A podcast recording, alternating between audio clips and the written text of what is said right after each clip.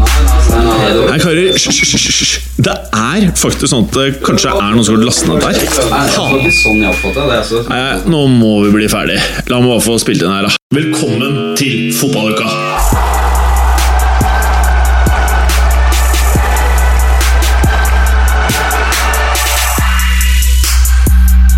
Arriba! Arriba, arriba, arriba! Ja, velkommen til eh, en av Norges eh, tre beste podkaster. Fotballuka! Fotballuka! Fotballuka! Alle tre. Eh, og så har vi jo da en liten nyhet. Og det er jo at eh, Morten Galaasen har blitt nominert til noe sånn derre podcast, eh, fotballpodkastpris. Det kommer litt senere. Eh, og så har vi jo da det som faktisk er innholdet i denne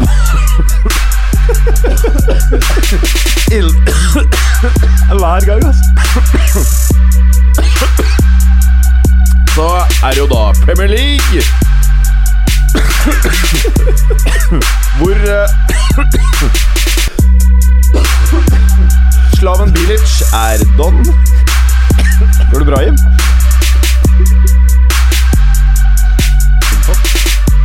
Og så er det Europa.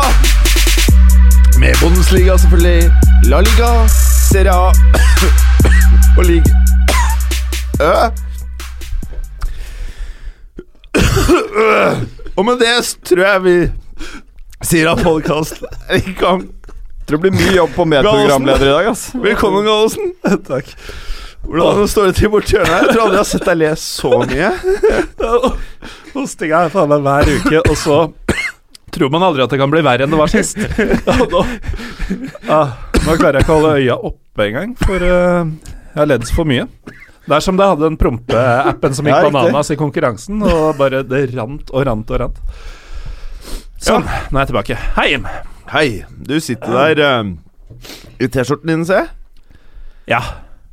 Og med det så er vel første eh, kryss i fotballuka-bingoen som noen hadde lagd, Ja, stemmer det. satt.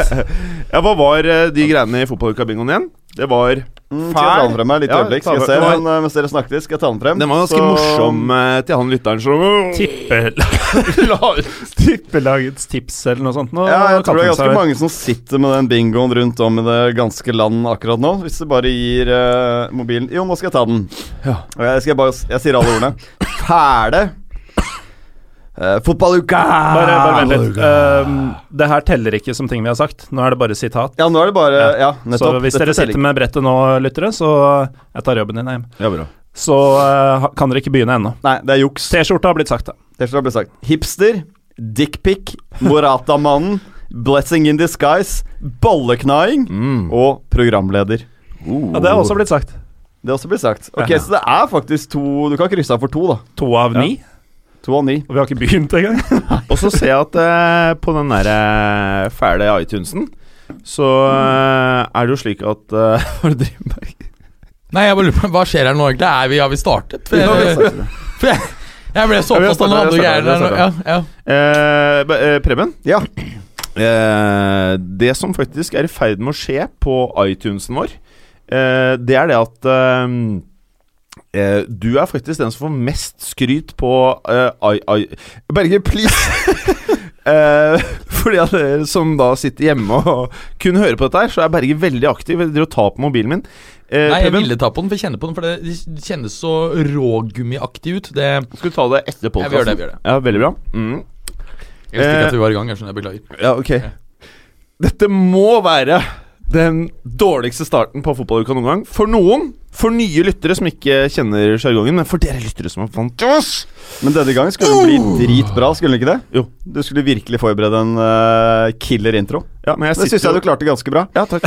takk. uh, men det jeg skulle si, Preben, det er at det er veldig mange av lytterne som er inne og stemmer på eh, iTunes om dagen, begynner å skrive positive ting om deg. Ja, Det er første gang. Da, da må dere begynne å gå i dere sjøl, altså. Ja. Da dere For- steppe for opp eh, Bergeren, eh, grann. Berg Bergeren er jo på hell, og uh, Gallosen er jo ferdig. Jeg er på hell av karrieren. Ja, han er jo ferdig. Ja, han er, Han er over the top for lenge siden. Ja, og så er han så fæl. Tre av ni. ja. Eh, men eh, Preben, folk eh, rater deg jævlig høyt på iTunes. Setter jeg stor pris på. Ja, Hjertelig takk for det. Hva tror du det skyldes at du nå plutselig har denne veksten i popularitet? Jeg vet hvorfor. Ja, si Hvorfor det. Det skinner omsider gjennom, eh, etter to år, at eh, Preben har båret oss Du mener siden episode én. fem år? Båret heter det, ikke bært. Å, ja. Kanskje der du kommer fra. Eh, nei, det er eh, også der du kommer fra. Da Marienlyst diskuterer skole. jeg eh, med folk hver eneste dag. Jeg tror, Berger, Bert at du er inne på noe her, og at Ja. det er en eh, viss artikkel som går til huet på han der eh, Tror storhua karen i hjørnet her. Men i hvert fall Blitt høy på eh, seg sjøl, da. jeg, Ja, du har blitt jævlig høy på deg sjæl. Nå snakker jeg akkurat ned annet meg sjøl, for å forklare hvorfor Preben får Mm. Ja, sin velfortjente skryt. Så jeg vet ikke åssen det er å være høy på seg sjøl. Men eh, nei, det er så, såpass storsinna kan jeg være da når jeg er er rangert som en av de tre beste podkastene i Norge. hvem, hvem da? Riktig. Nei, den andre. Nå kan du begynne å bli raus. Ja. Det, er- det er sant at Når du sitter Du- øverst, da blir man raus. Han er ikke bare fæl, han er jo grusom på bunn. Ja, han er det. Ja. Innerst inne så er han grusom. Så. Eh, og Berger, eh, velkommen til deg. Takk. Du sitter der i uh, rutete skjorte og eh, ullgenseren din. Ja, Mm. ja. Uh, og nå må det jo kunne sies at du har tatt litt tan. Det ser jeg jo. Uh, nei, jeg har ikke det, men uh, Novembersola. Jeg tror det er novembersola. Ja. er det det, eller? Ja, ja. Ja, du kan, kan bekrefte at du ser flott ut i dag. ja, takk skal du ha. Mm. Hadde du ikke hatt kjæreste, så skulle jeg kanskje satt opp med venninna til dama. Ja, ja. Ja, ja. Sånn som du ser ut nå. Ja. Ja. Mm. Jeg håpa et øyeblikk at du skulle sa, uh, si Oi! Vennen til dama? Nei, så skulle jeg satt deg opp med min kjæreste. Eh, det er nok den artikkelen. Jeg merker på deg. Du er spydig og fæl i dag. På en helt annen måte enn tidligere. Eh, Preben. Yes, hei. Ja, du sitter her med noe Ja, heavy shit. Hva er det du har på det er første gang min uh, T-skjorte blir kommentert, tror jeg. Ja. Uh, vet du hva, Den, nå har jeg ikke vasket klær på tre-fire uker. Så Virker som det dette er feil fant jeg idrett, i innerst i skapet. Fant du en T-skjorte? Fant jeg en T-skjorte. Det er også helt riktig. Jeg fant faktisk en T-skjorte. Um, jeg er faktisk litt usikker på hva som står her selv. Sykamor. Psychmore. Psychmore. Basketball 2012 Summer Camp. Hvor i all verden har du fått den der fra? Nei, det vet jeg ikke. Jeg vet like litt om den T-skjorten som dere, faktisk. Den uh, dukket opp innerst i skapet. Aner ikke hvor den kom fra. Det er ikke fra hun derre ene dama du hadde på Fra Nord-Norge? Nei. Hun ene moren Eller Bergen. Moren? Hun ene Hun ene av barna dine sin mor. Hun ene, hun ene av barna mine sin mor. Ja, Ja, hun som er fra Nord-Norge, for du har jo et kull der. Har Ja, stemmer det. For Nei, det jeg- sitter liksom litt tight. Og så, Nei, men det føles ut som det har vært eh, Jeg vil jo tro at jeg raska med meg da jeg bodde i USA noen år. Ja, men det bodde ikke det i 2012, Jeg gjorde ikke vel? det. Nei, det er den vi Det er faktisk ja. eh, Det er et mysterium. Kanskje det er et prøvde jeg å ro meg bort tilbake til Kanskje det eh, er et 2000-tallet. eh, barn i Psychamore? Det kan hende. Men hvor er det? Noen som vet? Psychamore? Mm. Nei, det Quiz. vet jeg ikke, gitt. Det, vi, men uh, nå har vi kjørt åtte minutter uten fotball. Vi Eh, klarte ti forrige gang. Vi klarte ti forrige gang. Eh, Hvor langt kan vi dra det? Tror du? Men eh, jeg syns vi må nevne den der artikkelen til uh, fælingen i hjørnet her. For at eh, jeg våkna vel til at det dura i telefonen min. Og da var det en link til uh, en av de Hva heter de mindre nettavisene? De derre Dagblad. Dagbladet heter det, ja. Eh, og der hva, hva var det som var der? Jeg vet ikke om jeg skjønte det. I hvert fall to andre podkaster. Eh, og så var det en tredje Det var vel noe NRK og et eller annet podkast som var eh, rangert veldig høyt. Og så var det Pyrro og Pivo. Ja, gitt. Eh, men det kan vel ikke være riktig, eller? Nei, ifølge hva er det Norges tredje største avis. Tredje så- største, nei. Er det ikke det? Nei, det vil jeg ikke si. Det er vel VG og. Aftenposten foran. Var i hvert fall for 100 år siden, sist jeg sjekka. Ja, det er nok det. Men øh, nei, ifølge dem, eller i hvert fall den som har fått lov til å skrive dette og poste dette på øh, Dagbladets nettsider, Ja. så er jo da de øh, to som du har nevnt, og den tredje som du ikke har nevnt, av en eller annen grunn, Ja. Pyro de tre beste fotballpodkastene i Norge. Du Men- trengte ikke å true det da med det hvite pulveret du sendte til Ja, du sendte noe Dagbladet. pulver Nei, det var ikke meg, altså. Det er helt åpenbart uh, Jim Fosheim som uh, Jim Fosheim? mm, Meg? Jim- Medprogramleder Jim, Jim- Fosheim, som Jim har blitt Dimitrios trøkka ned. Ja. Ja. Uh, Jacques. Men Jeg eh, tror- eh, eh, det, som medf det som hører til historien her, Ja. er jo at eh, jeg burde jo få all kred for dette her. For det var jo jeg som faktisk da oppmuntret deg til å starte de fæle, fæle greiene dine som nå setter fotballuka skyggen av det der eh, rælet du holder på Og med. du har vel egentlig formann som en Ja, podkastfigur? ja. Ja, det hadde aldri skjedd hvis jeg ikke hadde kjent samme snut. Tjamma snut Ja, han, ja! Han, vet Uh, Han bura oss begge inn en gang. Det var Ja. jo behagelige greier. Det, men litt digg òg. Men uh, fra spøk til alvor, uh, gratulerer, Morten. Jo, takk. Eh, det betyr jo ikke at vi syns noe mer om det. Nei, det merker jeg jo veldig godt. Du syns jo fortsatt det er litt ubehagelig at du er her inne sammen med oss. Jeg syns det er litt ubehagelig å være her sjøl, sånn som det er i dag. Eh, har du fått med dette, Mats? Ja. Jeg leste også artikkelen med stor interesse. Hva syns du om dette? Var det bare bullshit, eller? Ja, jeg sendte en jævla forbanna mail til han der uh, fuckeren som har skrevet den, for å si det sånn. Ja, Det er jo bare piss. Ja. Jeg, måtte, jeg, altså, jeg, var, jeg var så grov i kjeften at jeg Jeg skriver ofte til journalister og skjeller dem ut, for de skriver feil hele tiden. Altså Nå snakker jeg ikke om eh, Altså, Er du han fyren altså der? meningsfeil. For en ting er å mene noe annet, men ja. faktafeil er jo utpreget trekk i den avisen som skrev dette her, blant annet. eh, I tillegg til eh, spesielt en annen. Begge begynner på Dag. Um, og, og her var, det, var jeg såpass røff i kjeften at jeg måtte bruke den uh, aka meg, Tom Hagen. Altså, Faen, det skulle jeg ikke sagt! det er krise, liksom! Du moste deg selv. er du oppkalt etter han consiglierin fra Tom Hagen. Ja. Ja, Det er jo gudfaren. eh, vennen til gudfaren. Det er helt korrekt. Men han er ikke noe wartime consiglieri. Nei, han er Nei, ikke noe wartime consiglieri. Mm. Akkurat, akkurat det som en, er en Jeg er også en fredstidsutskjeller, ikke en krigstidsutskjeller. Jeg føler jeg, jeg Nå er vi godt over ti minutter, bare sånn Ja, vi er på tolv. Men er du liksom gudfaren, da, eller? Nei. Nei. Jeg satte jo ikke han til å skjelle ut dem som skrøt av meg. Nei. Bra. Jeg var både konsulieri og gudfar i ett. Ja. Preben, hva mener du om dette ståheiet? Vel fortjent, Morten. Hva? Ja. Ja, det er du. Det er den eneste Er det en- vennen jeg har i studio her. er, det er en flott podkast. podcast. Det er det. Jeg må si det. Jeg vil si at det er en Det er godt arbeid. gjennomsnittlig podkast. Og et under gjennomsnittlig cover. Om en under gjennomsnittlig type som leder den driten her. Jeg tror du blander uttrykkene De starter likt, men under gjennomsnittlig, eller hva det var du sa? Under gjennom... Hva sa jeg? Under gjennomsnittlig? Under gjennomsnittet? Ja. Ja. Uh, du blander det med unik. Ok. Mm. Ja. Et unikt cover og en unik programleder. Igjen fra spøk til alvor. Morten, jeg syns du fortjener det. Det er en veldig bra podkast. Du prater om veldig mye rart, men det er en veldig bra podkast. Så Ja. jeg syns det er fint at du havna der, og ikke storebror fotballuka, da. Vi vet jo hvor bra vi er. Ja, men jeg tror hvis ja. fotballuka hadde snakka om eh, litt rart Mm. innimellom, Mm. bare røra litt sånn en gang iblant Ja, for vi rører aldri. Nei, Nei. Så, så hadde vi vært der. Ja, jeg tenker det også. Mm. Men uh, igjen, Morten, gratulerer. Jo, Dette takk, her er takk, bare takk. starten på noe uh, vemmelig. Så uh, jeg tror det blir bra. Uh, karer, Premier League. Eh, det er jo en ganske stor nyhet, vel, eh, for noen. Eh, de som følger med, har vel fått med seg at eh, Bilic er eh, don.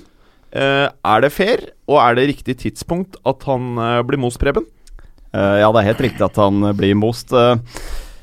skal man diskutere om han burde blitt most mye tidligere enn dette her? Han har jo egentlig aldri vist noen ting, spør du meg, i Westham. Han tok over et lag som var godt defensivt drilla av, av Sam Allardyce. Han levde hele første sesongen på det forsvaret, og at han hadde jo griseflaks, eller en god signering, litt hvordan man ser det, med uh, Payet, som dominerte. Pailletten. Eh, kombinasjonen av de to tingene der gjorde jo egentlig at eh, Ja, jeg skal ikke ta fra han all ære her, men jeg ser ikke at han gjorde fryktelig mye den sesongen da, for å få det der til å fungere veldig veldig bra. Og Vi har jo sett etter hvert, men han har jo ikke vært i nærheten av å videreutvikle det laget. Og, og Sånn sett så ser jeg egentlig ikke at han har vist noen ting som trener. Han var vel i Besjiktas før det, det har ikke jeg helt kontrollen på. Men uh... Han gjorde det bra der, og gjorde det for så vidt bra også med det kroatiske landslaget, vel? Absolutt, og Men- det er riktig. Eh, Jeg ser, men jeg tror han er en fyr som er utrolig godt likt av alle, både opp i hierarkiklubben og blant spillerne. Jeg tror han skaper god stemning, er en kul fyr å ha rundt, da. Men han har jo ikke evne til å utvikle. Men det passa jævla godt i Real Madrid, antagelig. det er jo litt god stemning. Et par sesonger. Trenger ikke så mye taktiske eh, ting. Bitcher ikke når gutta kommer for seint på trening. Ikke sant? Ja. Og det er interessant um, Jeg må først få arrestere deg. Altså hvis Ja, det blir kanskje bra, fil, fil, det. litt filosoferende, men er helt umulig å svare på om uh, han burde fått mer tid. Rett og slett fordi vi, vi kjenner ikke utfallet eh, ved å gi han mer tid, men eh, Det gjør vi ikke, men det har vært en utvikling her, da. Fra han tok over på Ja, det- det topp, mer eller mindre, så har det vært utforbakke, eller i hvert fall slak nedoverbakke hele veien. Ja, og det, det er interessant at uh, The Mirror har i dag en, en uh, artikkel hvor uh, de faktisk beskriver at uh, Bilic selv personlig ringte en rekke av uh, måtte si, gåsøgne, sti, veldig gåseøyne stjernespillerne i uh, klubben Ja. for å høre hva de følte hadde gått galt. Oh, ja. Og han var jo faktisk veldig godt likt. Slik at han fikk jo gode svar, og gjennomgangstonen er at det ble for slapt. Eh, han slo ikke ned på eh, disiplinær, dårlig disiplinær oppførsel som har kommet for sent. Eh, og det var alltid også for liten intensitet og for lav kvalitet på treningene. Og akkurat dette var vi jo innom i forrige uke. At disse kompistrenerne ofte har den utviklinga, da. Som eh, Altså, det kan gå ganske bra i starten. Nå gjorde det jo også det, selv om det kanskje ikke var så mye hans fortjeneste, men spillerne var happy og kjørte videre eh, sånn som de fikk lov til. Og så sklir det ut etter hvert. Mm. Uh, intensiteten dabber av. De finner ut at de slipper unna med mer. Interessen for å gi alt uh, fader ut litt. Og, og da går det jo sånn her. Da får du den uh, nedoverspiralen som, som Westham har vært inne i over en lengre tid nå, under slaven sin. Mm. Det er jo brukbar spisskompetanse det laget også, spesielt på dødballstyrke. Hadde vært flinkere til å utnytte den uh, hodestyrken de har, da, til mange der, med Antonio og Carroll.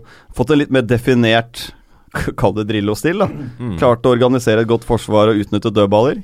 Kunne han kanskje kommet lenger, men jeg tror aldri han hadde vært treneren som hadde tatt Westheim opp til det nivået de ønsker å være på, da. Eh, Så er han også blitt most selvfølgelig av uh, ny, nytt stadion, da, som har vært en katastrofe for hele klubben. Ja. Eh, Og dette var jo Det er jo en feiltagelse av dimensjoner, i hvert fall ser det ut sånn foreløpig. Uh, Westham uh, flytta inn til ny kjempestadion. De uh, designa ny sånn dritstygg, moderne logo. Uh, og skulle nå liksom ta steget opp til å bli den skal vi si, fjerde kjempeklubben i London. Uh, Satsa mye penger. De har jo henta masse spillere for ganske mye penger også disse årene. Og ingenting av dette har funka. Mm. Og det alle som holder med Westham drømmer tilbake til nå, er jo et sånn tiendeplasslag som spiller på utslitte, sjarmerende bowling ground. Ja, der var det jo kult å se fotballkamper. Det er det jo ikke på utrolig døve Det er så kjipt. Det er desidert kjipeste banen øh, Ja, de jeg har sett nå i toppserien i topp fem-ligaene. Så er det Ja. Nei, jeg, er helt enig, og det er um, Det vi har snakket om før, og vi skal vel snakke om det nå i relativt start igjen. Fordi vi er vel ikke langt unna nå at uh, den årlige Deloitte uh, Money League-rapporten kommer. Hvor vi skal grave oss ned i de tallene. Iallfall skal jeg det. Så skal jeg vel rapportere litt til, uh, til både dere og, og lytterne våre. deilig. Og det er klart at dette er en klubb som um, var det i år eller i fjor Den ligger blant de 17., 18., 19., 20. plass uh, i verden når det gjelder Det er høye inntekter. Ja, det er en svær klubb. De har utgangspunktet tatt en del gode strategiske grep for å kunne ta steget, men så er det dette med at når du tar steget, så tror du at det skal gå raskere ned de gjør. Det riktige de skulle gjort, det var da altså at ok, nå skal vi bli best i England på scouting og eh, bringe frem talenter. Hadde de gjort det, så hadde de faktisk potensielt om ti år, hvis de hadde gjort alt riktig, vært en stabil topp seks-klubb. Men så gjorde de alt feil istedenfor. Og en gang i tiden så var det jo en av de aller beste på å drive fram uh, talenter. Der er Joe Cole, Frank Ja, ja. Lampard, Michael Carrick, uh, Defoe. Disse gutta enten kom fra eller slo igjennom i, uh, i ung alder. Klarte jo da, De var ikke en klubb av en stor nok størrelse til å holde på dem den gangen. Det ville de fort kunnet være hvis de hadde gjort det samme nå. Og så er det det med den em, London Øst-baseringen. Den er jævlig bra vet du, for å plukke opp talenter. Du har et enormt mye fattige kids som spiller mye fotball der.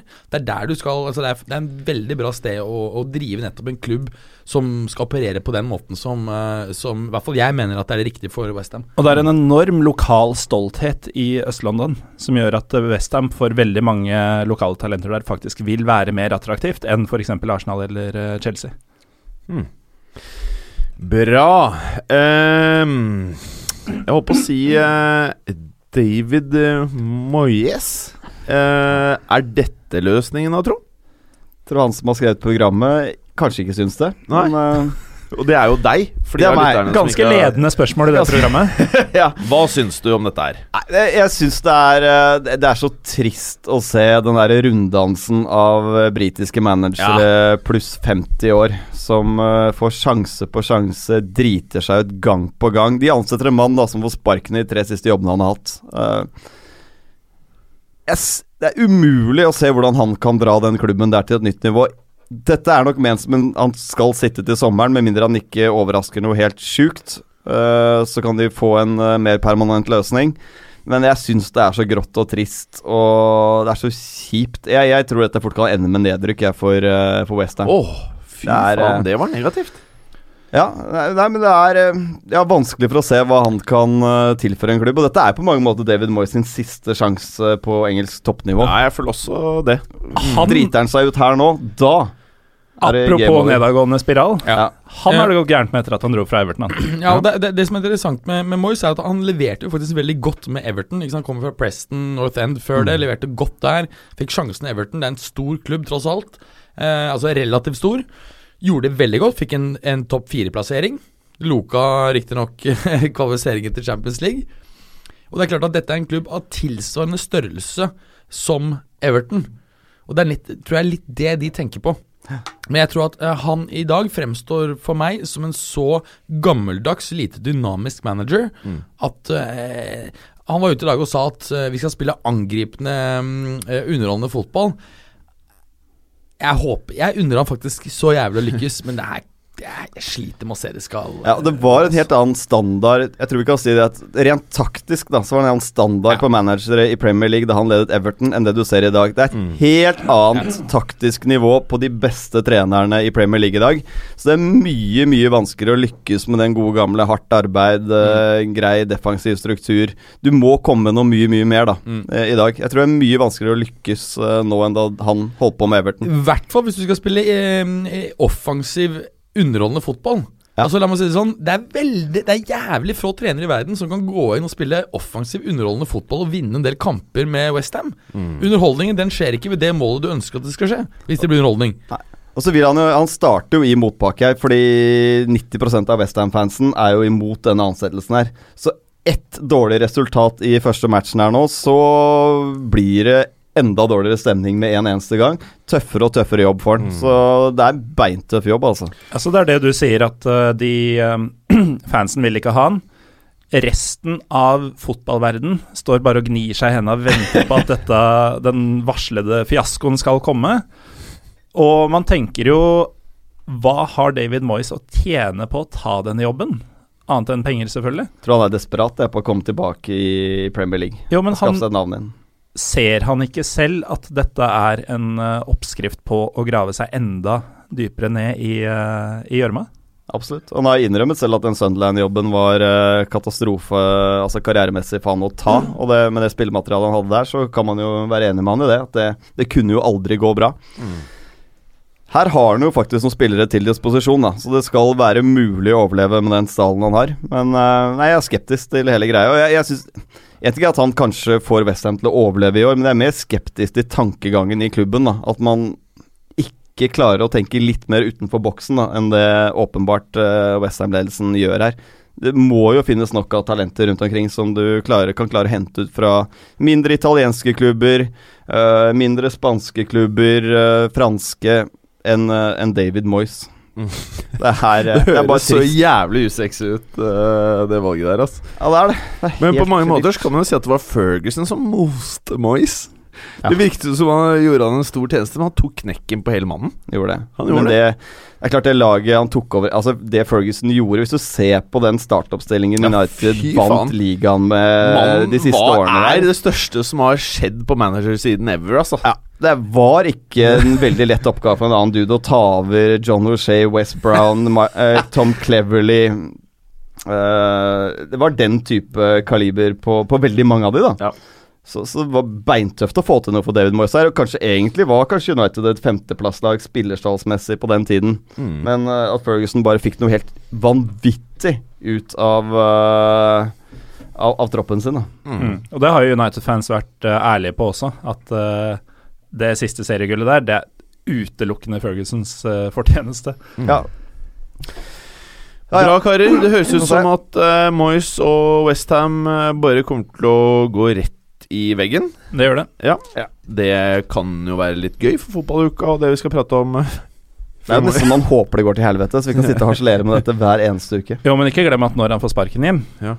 Eh, så fort Palace-jobben blir ledig, Ja. så veit du hvem som får den. Åhå, det håper jeg da inderlig ikke.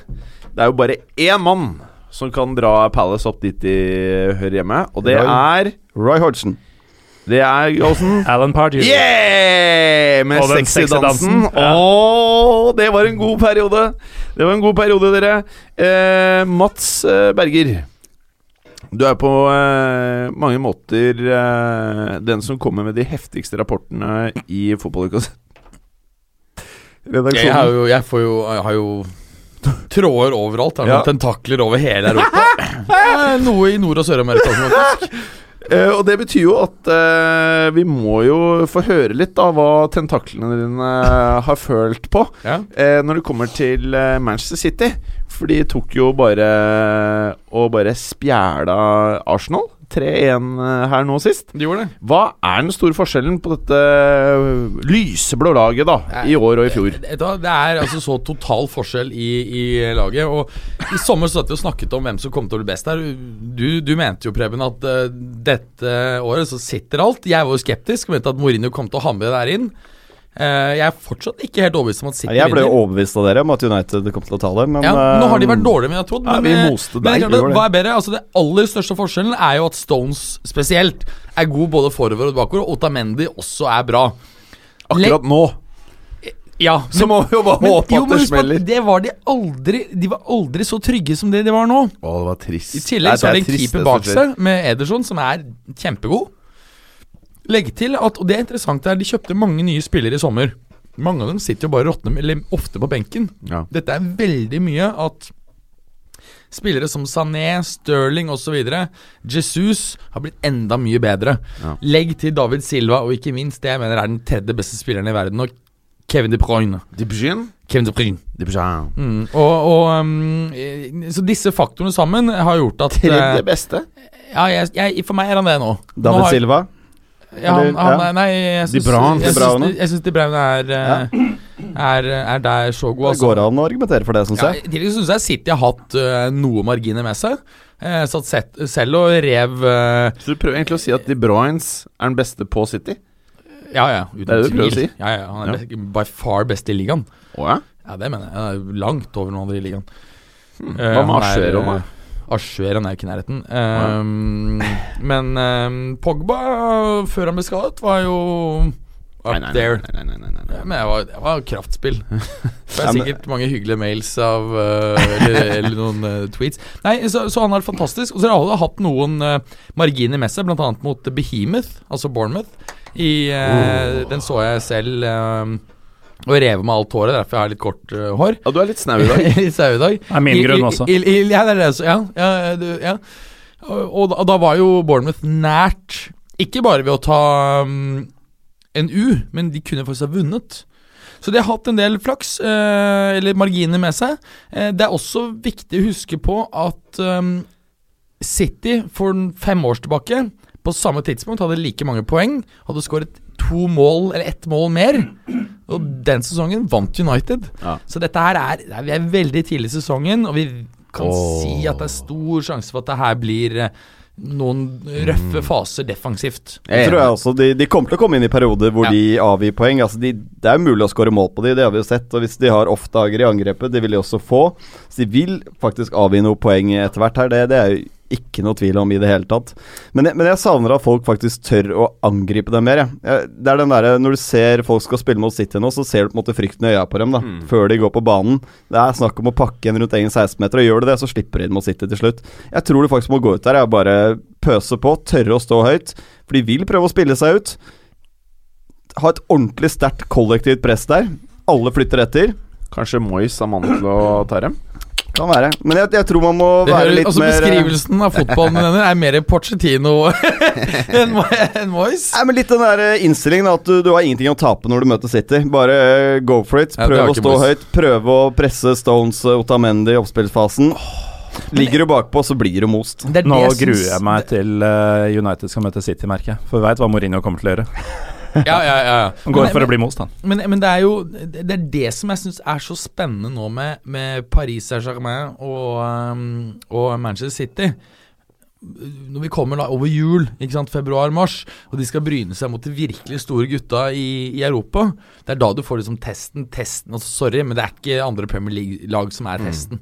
Altså, City er by far det beste laget i Premier League for øyeblikket. Ja, ja. Uh, det er jo Alt tyder på at de vil vinne til slutt. Det blir vanskelig. Det er åtte poeng de har nå, er det ikke det? Ned til eh, Ja. United og Tottenham. Det er tøft å ta igjen. Selv om de kommer til å gå på det smeller, så gjør også United og Tottenham det. Kanskje. Absolutt. Mm. absolutt men jeg, men jeg, jeg føler på mange måter mer at, um, at City er et lag som på en måte kan komme i en sånn virkelig tøff fase hvor de liksom taper mange på rad. Det er bare helt litt sånn krise. Tottenham er liksom litt sånn en slipp en gang iblant. De går ikke inn i en sånn fase hvor det bare sånn Plutselig så er eh, Aldervrelt bare oppe og spiser pølse konstant, og det bare er Jeg er litt enig med deg i det, fordi jeg, jeg føler at hvis det først stok, begynner å stokke seg litt på angrepsspillet til, eh, til City, så har de ikke en sånn defensiv grunnmur som de kan lene seg litt tilbake på og grinde ut en 1-0-seier. De er litt avhengig av at det offensive skal eh, klikke. Men det de derimot kan gjøre, er å bytte ut de fire fremste på banen uten Ja. at det blir nevneverdig dårligere. Det er, Det er korrekt. Sykt. Det er korrekt. Og uh, at de åtte er ikke ute av form samtidig. Neppe. Neppe Um, Hva er det heter igjen, du Du med Hva er heter du? Jeg heter Morten. Morten. Morten. Um, Chelsea slo jo Manchester United Ja. relativt greit. 1-0. Ja, det var en veldig grei 1-0-seier for Chelsea. Veldig grei 1-0-seier. Eh, kritikken mot eh, Mourinho begynner å komme. Eh, hva tenker United-fansen om Mourinho? Spørsmålstegn.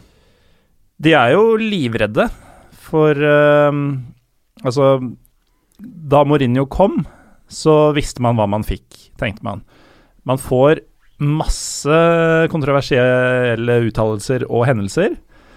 Man får en del eh, oppstartsvansker, og så får man ligagull i sesong to. Ja. Og etter det så går det til helvete. Ja. Nå eh, Så det er historikken hans. Og nå ser det ut som han i utgangspunktet har skapt et eh, klassisk mesterlag. Altså utenom den ene matchen mot Huddersfield, så er jo så å si alt etter skjema. Eh, men sånn som City holder på, hvis det fortsetter, så kan de jo fort misse ligagullet, selv om man følger sin egen oppskrift, som alltid har funka i sesong to, til punkt og prikke. Og ehm, for United-fansen så er det nok eh, det å drive med Mourinho-fotball ehm, Det kan være verdt det så lenge de ender opp med å ta et ligagull, for nå begynner jo de å bli sultefora etter sine standarder.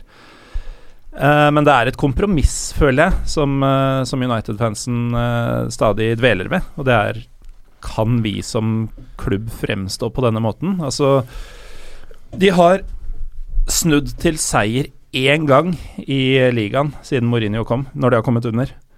Uh, og det holder jo ikke. Um, å gå så defensivt ut borte mot et Liverpool som er fryktelig frynsete bakover, og som fort kan kjempes ut av stilen, føler jeg. Mm. Uh, har de en ofte. De mangler også en del eh, viktige spillere i den kampen. Så å gå ut så defensivt som man gjorde der, det er heller ikke greit, ifølge United-fansen. Så jeg tror de er litt sånn uh, litt i ørska akkurat nå. De er Mm. ikke like overbevist om at resultatene kommer, som de var for bare noen uker siden. Uh, og da blir det jo enda mye mer tydelig alle de negative tingene som Mm. eh, Mourinho bringer med seg. Og så har du i tillegg den viten om at det kommer til å bli verre om et år. Mm. Så det er en visshet med at du vet jo egentlig at Mourinho ikke er der Altså long term, da. Det er ikke Nettopp. noe langsiktig løsning. Det må på en måte tære på både fans og spillere og egentlig styret, da. Mm. Eh, For styret er jo nå helt avhengig av faktisk planlegge tiden etter Mourinho. Det har de vel sannsynligvis begynt med for et år siden. Altså Idet de ansetter den, så begynner de kanskje å planlegge den, forhåpentligvis. Hva som skjer senere. Og det er jo blitt ganske tydelig allerede at han og Ed Woodward ikke alltid er 100 enige, for å si det pent. Ja, altså det er klart at Hvis vi ser tilbake um, underkant av to år, da. Hvis vi ser tilbake altså februar for uh, overkant av halvannet år siden. Da var nok United uh, smertelig klar over at uh, van Hal kom til å gå til sommeren. Mm.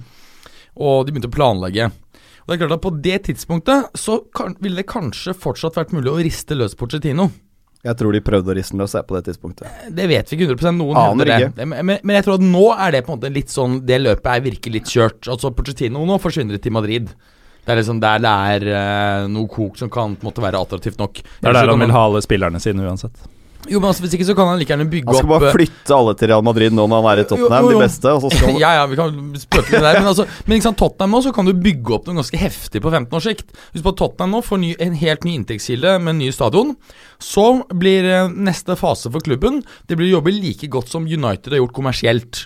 Gjør de det samtidig som Porch kjører sin greie, så kan faktisk eh, Altså, da, da, da er Arsenal ute av den topp fire permanent, som storklubb, i forhold til fans, statutter osv.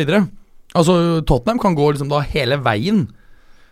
I realiteten så mener jeg at uh, Pochettino, over 25 år, kan ta uh, Tottenham til det United er i dag.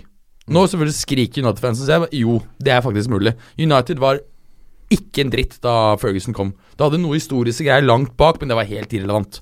Det var ingenting. Nei, men Samtidig er det vanskelig å se en trener i dag sitte i 15 år i en klubb. Jeg, jeg klarer ikke heller se type som Pochettino, som kanskje er den nærmeste vi har i dag Uh, Ja, de som er der. Faktoren er her, vet du. Husk på at byen er riktig. Ikke sant? Fami alle elsker London. Familien settled osv. Mye vanskelig å dra. Og så har du Daniel Levi, han kommer til å gjøre alt. Det er riktig. Eh, Bortsett fra å betale mye penger.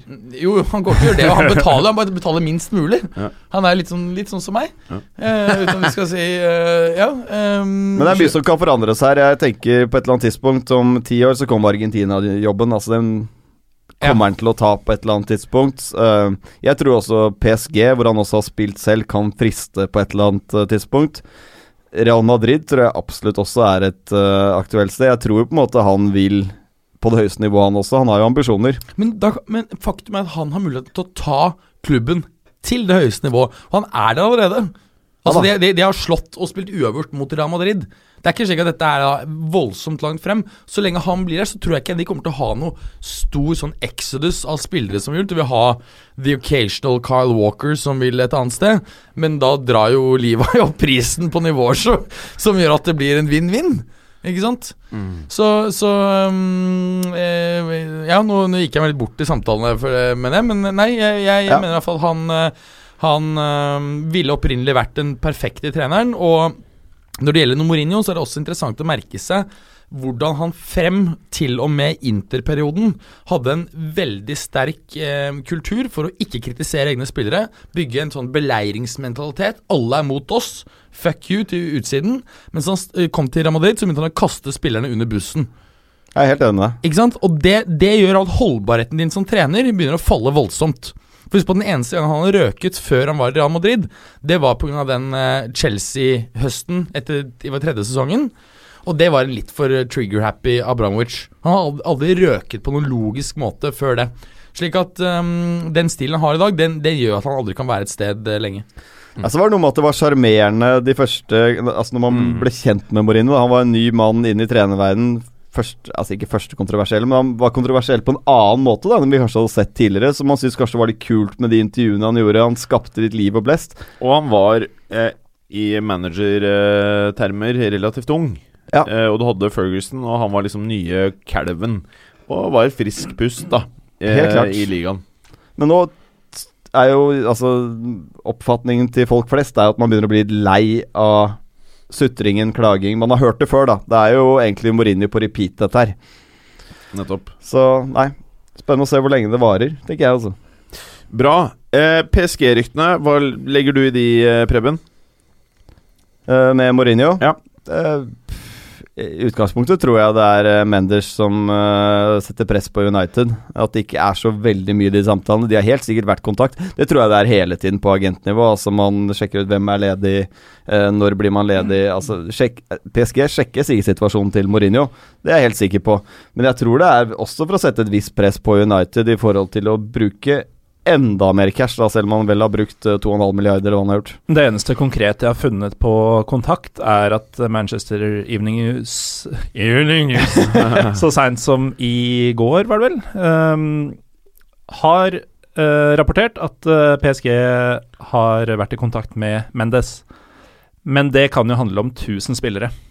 Det, det må ikke bety Mourinho i det hele tatt. Eh, Jeg trodde i utgangspunktet, da de ryktene dukka opp for ganske mange uker tilbake, at dette er uh, tabloidene som har kasta seg over uh, sånn vanlig høflige uttalelser fra en Mourinho som ikke vil brenne framtidige bruer. Uh, jeg tror i utgangspunktet ikke at det er noen, ehm, noen voldsom interesse egentlig noen veier på dette tidspunktet. Mm. Uh, det er en veldig rar eh, et, et rart tidspunkt for PSG også, å skulle drive og lete etter uh, ny manager. Ja, nå, ja. Men om det skjer til sommeren, er ikke jeg veldig overrasket over. Jeg, jeg, Men- men det jeg som- er uenig med deg i det. Jeg tror dette, dette er helt logisk. Jeg. Han ser seg Han vet at det ikke kommer til å vare uendelig i United. Han ser seg etter om det neste. PSG er perfekt. Han ønsker å vinne ligatitler i flest mulig land. Nå sitter de med Bayern og PSG. Han vet at Bayern kommer aldri til å være interessert. Jeg sier ikke at eh, Mourinho ikke vil være interessert i eh, PSG. Det er akkurat det jeg sa, var at han eh, uttaler seg når han blir spurt om PSG av fransk presse, som vel var det dette starta med. Så sier han jo selvfølgelig ikke at han ikke er interessert. Han, han sa jo heller ikke noe klart sånn her Ja, det er klart jeg vil dit. For det kan han jo ikke gjøre når han har halvannet år igjen på kontrakta. Det han sa, var at det kan være en interessant ting eh, en gang i framtiden. Og det er akkurat det man er programforplikta til å si i en sånn situasjon. Uh, og jeg tror også han mente det. Og i PSG så vil han eh, tilbake til det med Woodward.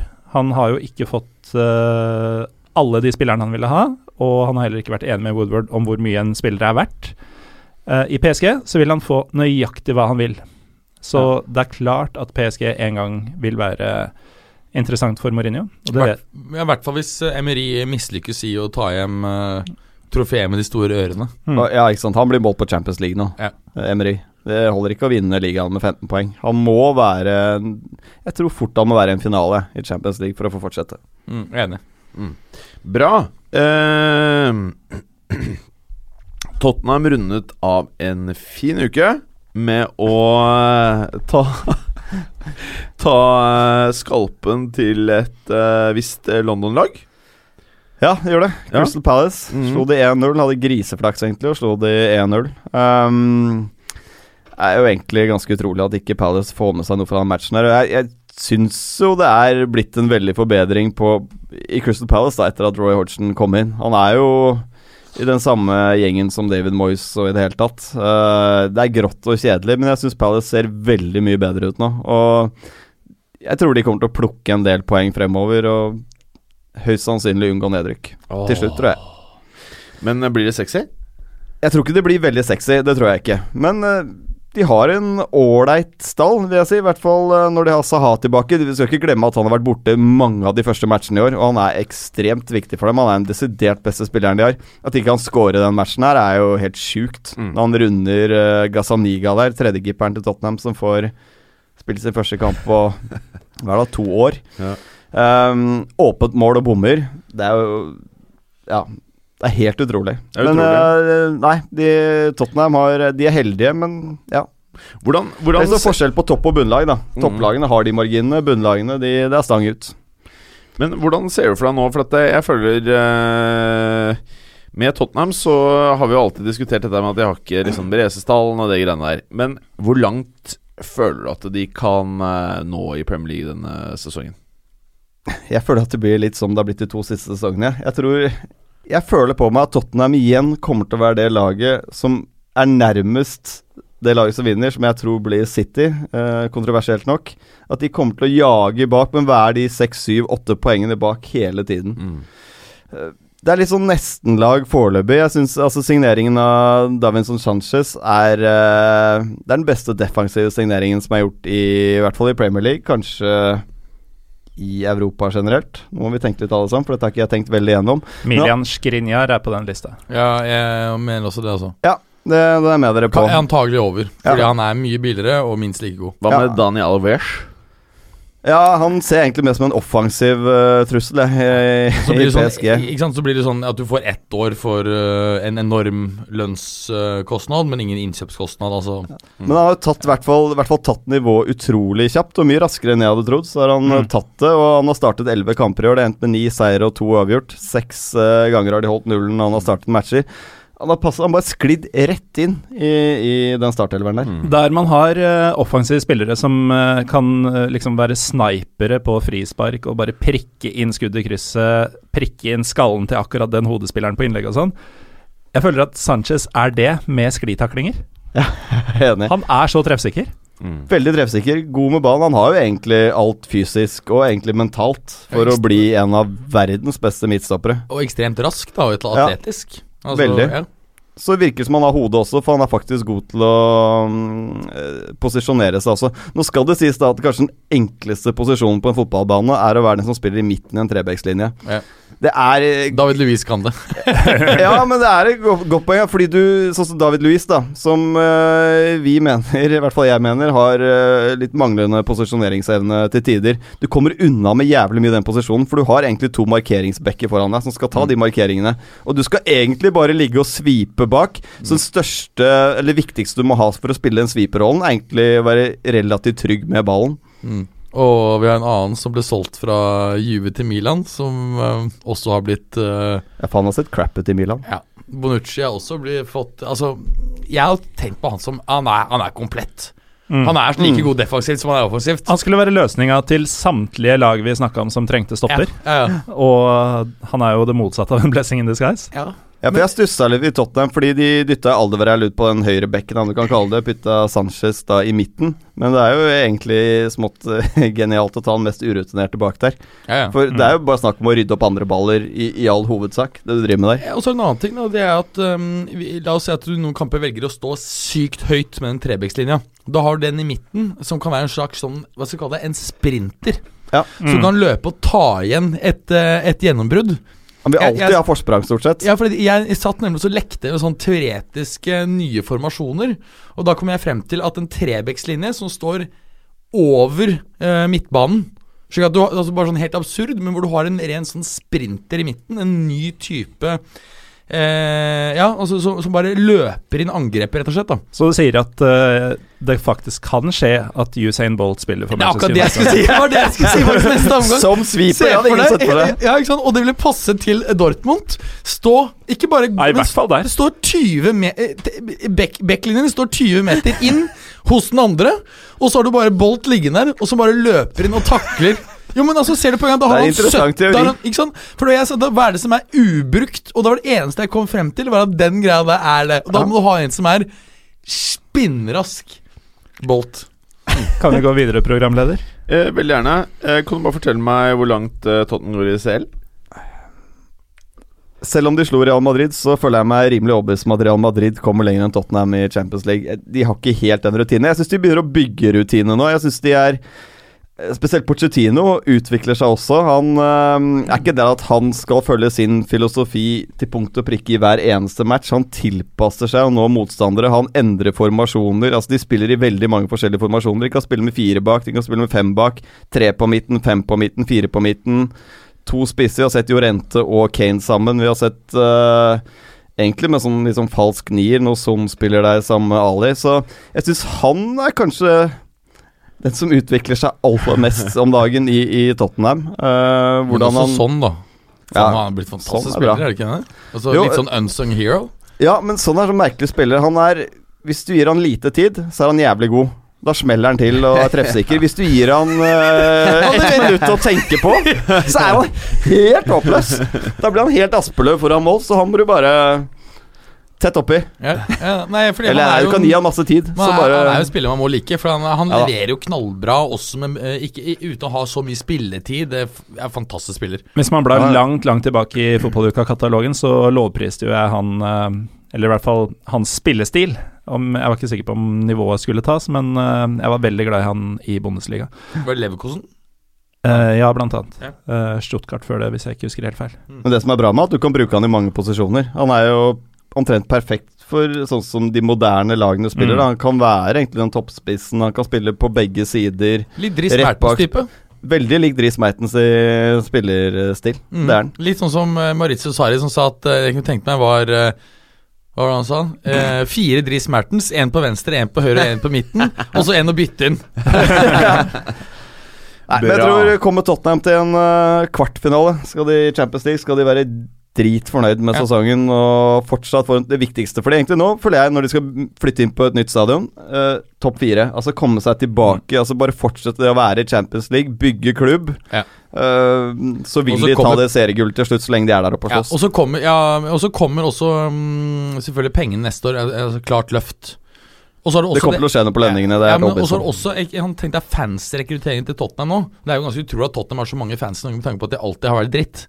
Eh, Ja, altså i den matchen her òg, de, altså de det er 65 000 da, som er og ser mot Crystal Palace. Mot Bournemouth så hadde de vel rundt 80 000, om jeg ikke husker veldig gærent. Så Ja.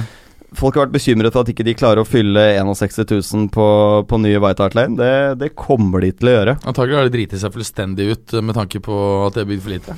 Nei, men uh, det er jo der Juventus annet har vært geniale. Det er Ja. alltid enorm etterspørsel, uansett motstander. Ja, men eh, Ja, det er mulig du har rett i det. Altså, samtidig må du huske på at um, Nord-Italia, spesielt Piemonte-regionen, er ekstremt velstående. Slik at uh, der har du en mulighet, uh, når det er fullt, å dra opp prisene noe helt voldsomt. Det kan du ikke mange steder i, i London og andre steder. Ikke sant? Nei, men ikke sant, er, nå understreker du poenget mitt. Så lenge etterspørselen er skyhøy til enhver kamp, så kan du dra opp prisene Ja, når du men vil. hvis, etterspør hvis det etterspørres bare av fattige, så blir priselastisiteten veldig høy. Det vil si at etterspørselen faller veldig kraft når prisen går opp. Men en Premier League-klubb vil aldri ha problemer med at fansen er fattig. Sånn Nei. som ting har blitt. Bra. Jo, Dette jo, jo, det dette- har de, men de, har ikke noe problem med at fansene bruker Altså, jeg har vært på uh, kamp i Liverpool. Jeg kan bekrefte at all fans er fattig. De er lutfattige. De bruker alt de har på å gå dit. Ik ikke de som er på stadion, de er uh, rike koreanere og nordmenn. Vet, Jeg satt der, var, bare, bare, Dagens- var ingen koreanere Dagens Næringsliv produserer en økonomipodkast. Der kan du boltre deg til uka. I priselastisiteter. Men akkurat nå, Morten Gallosen, skal vi over til Europa. Og der er det en fæl, fæl liga eh, som du blant annet eh, følger med haukeblikk. Eh, og der var det jo et toppoppgjør eh, for noen som liker da, å se på disse tyske kampene. Nå har det jo faktisk blitt eh, forholdsvis enkelt å følge den ligaen med tilnærma haukeblikk eh, igjen. Eh, denne tjenesten laola1.tv, Ja. som høres ut som en sånn Du sprer ikke noen ulovligheter her på Nei. fotballuka? Nei, Det de er har der du føler at det kommer litt sånn uh, rare videoer inn på datamaskinen det, din det er samtidig. det. Det høres ut som en sånn run of the mill, uh, skitten streamside som er litt ulovlig, og som uh, PC-en din betaler for uh, i kjølvannet. Men det er faktisk eh, de som eh, er oppført med rettighetene i Skandinavia nå. Og jeg har eh, prøvd den i et par uker, og det fungerer ypperlig. Mye, be mye bedre enn Eurosport Player var. Ja, det. Ja, jeg har ikke opplevd noe lagging. Det er bra bildekvalitet. Det er eh, Når jeg ser Union f.eks., så er ikke de populære nok til at de i det hele tatt gidder å legge kommentator på. Så jeg kan bare juice opp uh, volumet og nesten drikke så mye øl at jeg tror jeg er der. Kan du gjenta navnet for våre lyttere en gang til? Laola1.tv. How much money? It's free! Er det? Og det er samtlige Bundesliga og andre Bundesliga-kamper hver uke. Hmm. Fritt valg. Eh, Dette er en stor nyhet. Dette er en ganske stor nyhet, og inntil det kommer på TV, så er dette et veldig, veldig bra alternativ. Veldig bra. veldig bra eh, Ønsker du faktisk å ta noe om oppgjørene som var? Ja, eller? det handler vel først og fremst om eh, Borussia Dortmund mot uh, Bayern München. Ja. Eh, hvor eh, Hva skal vi si? Bestefar balleknar, uh, Jupp Heynckes, har, eh, har kommet inn.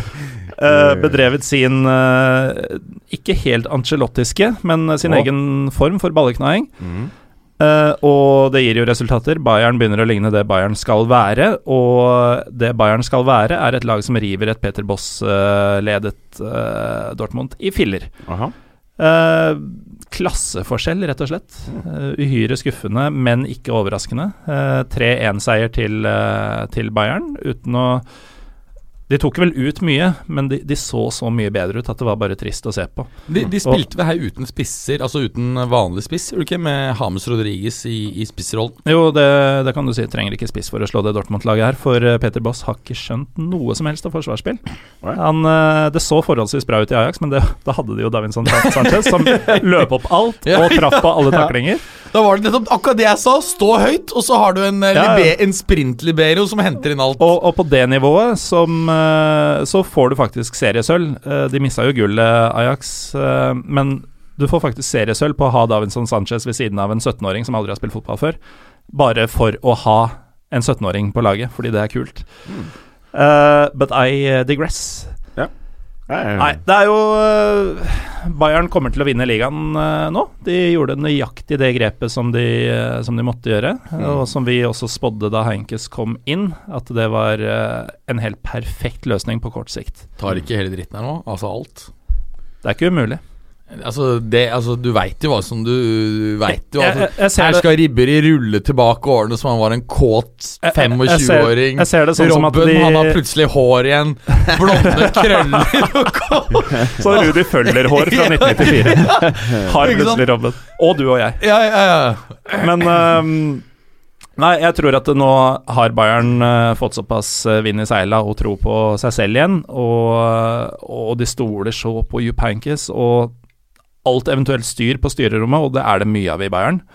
Det kommer ikke spillerne til å merke så lenge Jupankis er der, og bare tar på seg kappa som han holder som en beskyttende sånn enorm eh, duk over eh, spillerne sine, som bare trenger å tenke fotball. Der er det nok mye knaging under, tenker jeg. Ja, det er det mye knaging. Men, og så er det så interessant Det er det med Jeg må få snakke litt. Ja, ja, ja. Eh, jo, men ikke sant uh, Hames Jeg har vært litt redd for han også. Jeg har vært også litt glad for at det går bra. For jeg tenkte at hmm, her er det et annet lag litt lenger sør, rett over fjellene, som, eh, som trenger ham når eh, Dybala blir solgt til Madrid. Uh, men så er jeg jo glad i han, og så har jeg sett at han eh, At, eh, at eh, Jupp har vært ute og sagt at jeg kjenner jo ikke han, um, men jeg snakker jo språket, så det er uproblematisk for meg at han ikke snakker tysk. For han har jo vært trener i Spania. Og du vet, du bare ser den prosessen. Ikke sant? Han, han med den glatte huden, selv om jeg er 72 år. Hårfeste lavere enn en, en, en treåring. Ikke sant? Boom! Så var det bare Fikk spille fra start fra, på topp. To assists.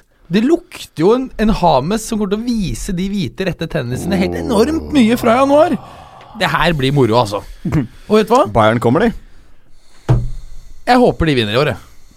Altså Champions. CL, ja, nå snakker vi Champions CL, ja. ja, ja. Gamle karen kommer inn, og så tar han en to-tre år til. Han ser jo ikke Han ser ut som han er 52 år gammel. Han kan jo holde på til han er et par og 90. Så han ser ut som han er 152. jeg. Uten Som har rynker, brukt mye penger på uten rynker, uten hår, håravfall. Omtrent like mye farge i håret fortsatt som deg. Ja.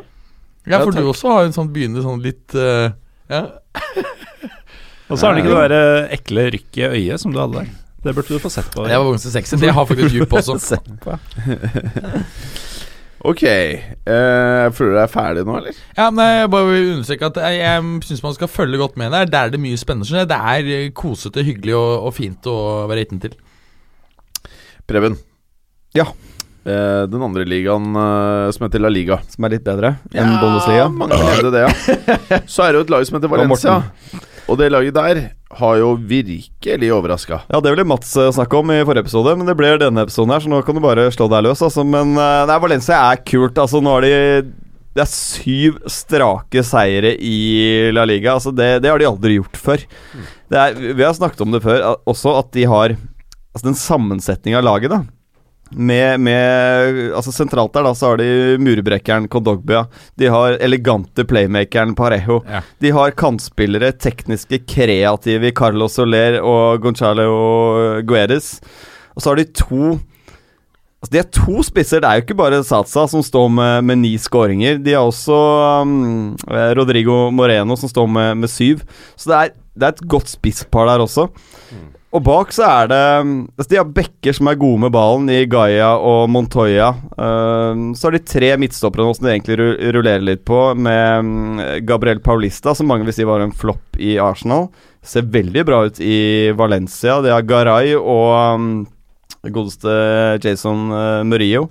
Så, det, så det er tre ganske gode midtstoppere. Så har de jo hentet Neto fra Juventus i Ja. mål, som er en god keeper. Murillo kom fra Inter. Jone. Ja, Ja. det gjorde han. Mm. Så, så det er et veldig bra lag, men det er klart de har ikke så mange sånn 13-14-15 spillere. De har, eh, de har et par de kan eh, sette innpå der så, som er bra.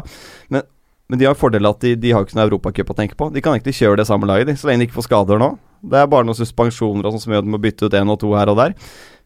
Det kan, nå, det kan bli en god sang. Det minner veldig mye om det Leicester drev med i Premier League. For det er det Marcelino gjør, er ganske likt det Ranieri står for. Altså Det er en stram 4-4-2-organisering. god struktur i laget, god avstand mellom lagdelene. Mm.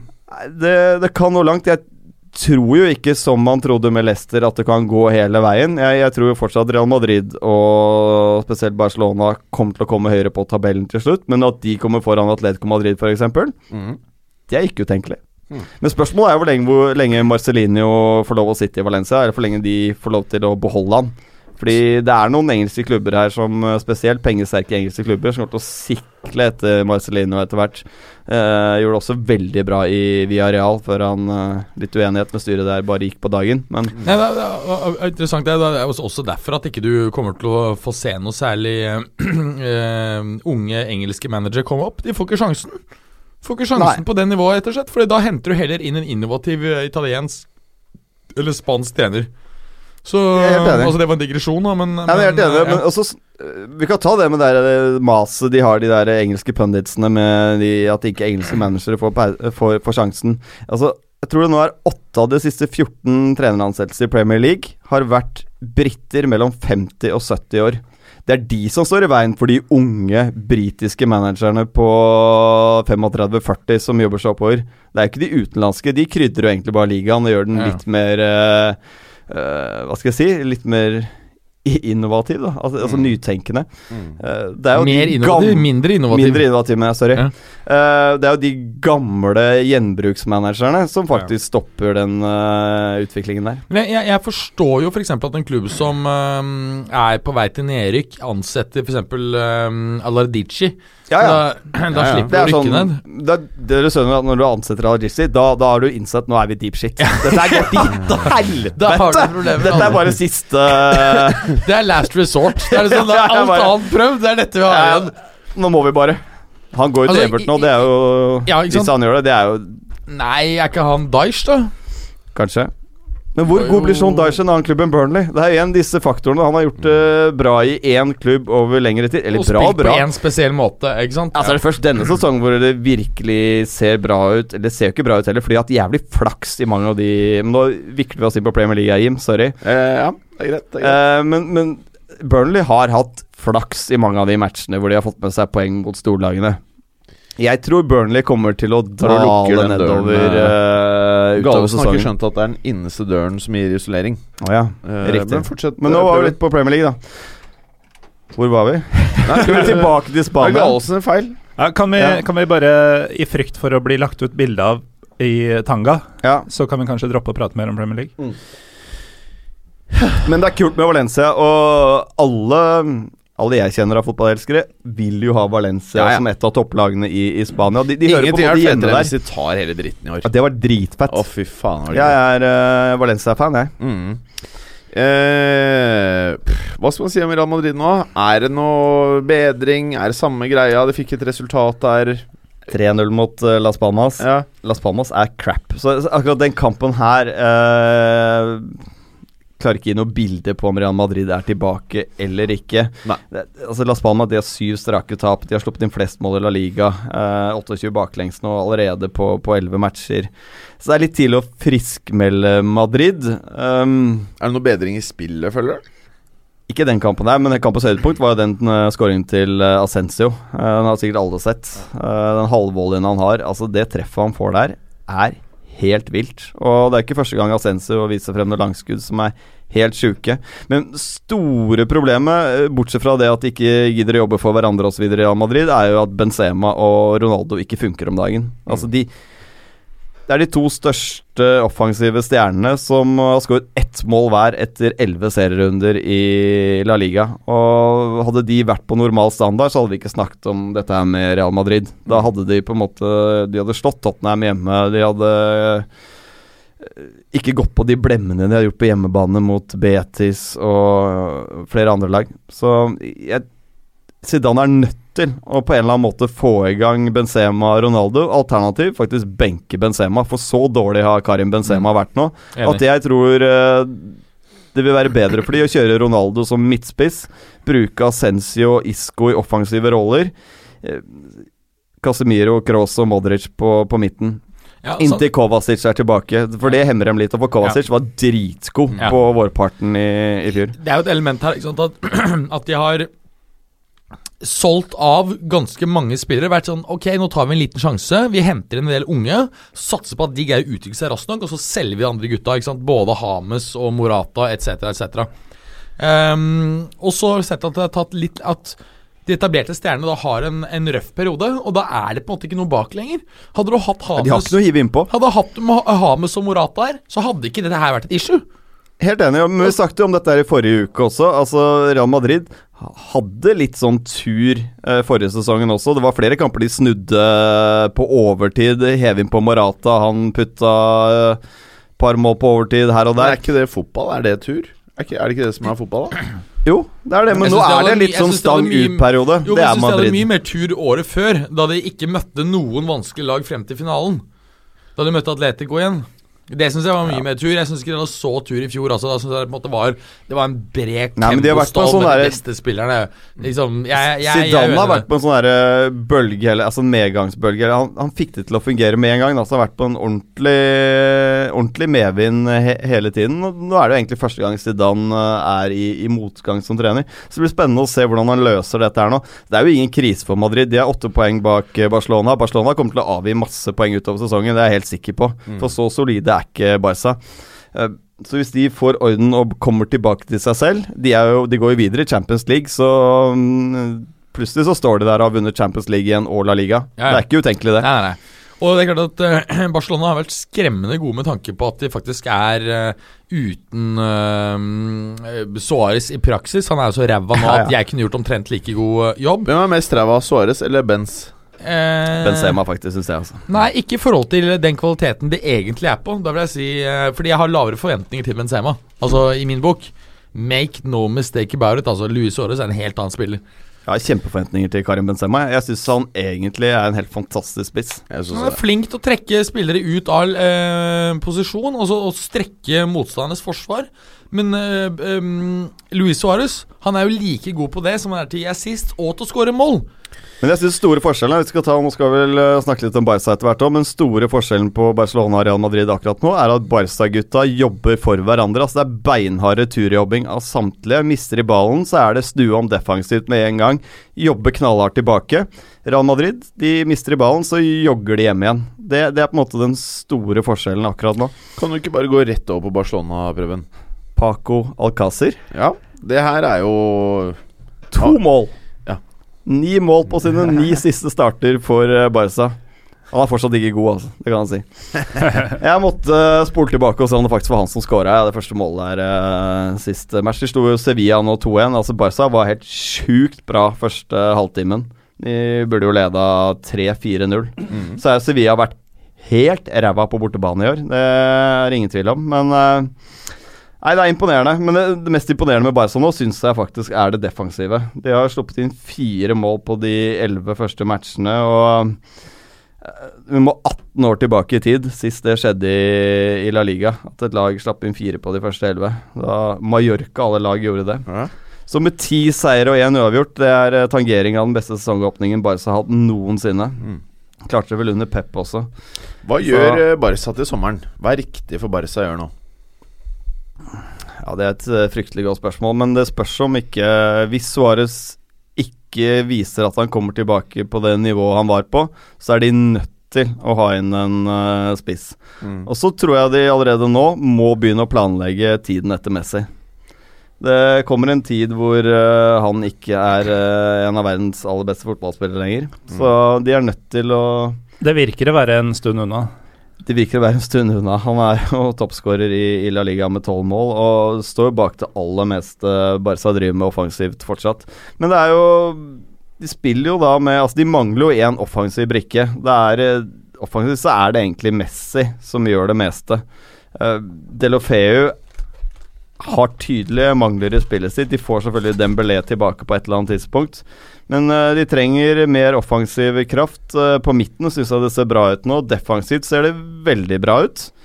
Men uh, det er en del av de um, si, bærebjelkene i Barca nå da, som nærmer seg pensjonsalderen. I Piquet, Busquets, Iniesta, Messi. Altså alle de er rundt en alder hvor du må begynne å tenke på at nå, nå må vi faktisk erstatte de etter hvert. Og det er, det er ikke drit lett å erstatte de gutta der. Det er det ikke. Spesielt ikke med dagens priser, da. Nei. Men Det- eh, som vi har vært inne på 100 ganger, det beste de gjorde i sommer, var å få inn Valverde, som eh, virker å ha skapt en ordentlig god struktur, og ikke minst god stemning i laget. Og det sa jo at eh, de som hadde han i Athletic Club, eh, de som har spilt under han der, har jo skrytt veldig av hvordan han er i, altså i man management. Han er ekstremt god med spillerne, og ekstremt god taktisk forberedt. Så Veldig Veldig vi får bra. se. Eh, Atletico Madrid for å runde av eh, Spania. Ser fortsatt ikke bra ut. De vant 1-0 her mot Deportivo borte. Det er en uh, overtidsskåring. De får frispark eh, tre minutter på overtid, og mm, Thomas Partey blir uh, Partey! Bare Går aldri av moten, det der, altså. No party, no party. Fire skudd på mål i år. Fire skåringer av Thomas Partey. Um, nei, men de spiller en relativt dårlig kamp, altså. Det er, eh, det er flatt. Det er et eller annet sånn lite kreativitet over dette her. Altså Stjernespiss Grismann står med to skåringer. Um, hva heter det andre? Gameiro, som liksom blir kjøpt inn for å være målskårer, altså med ett mål i år.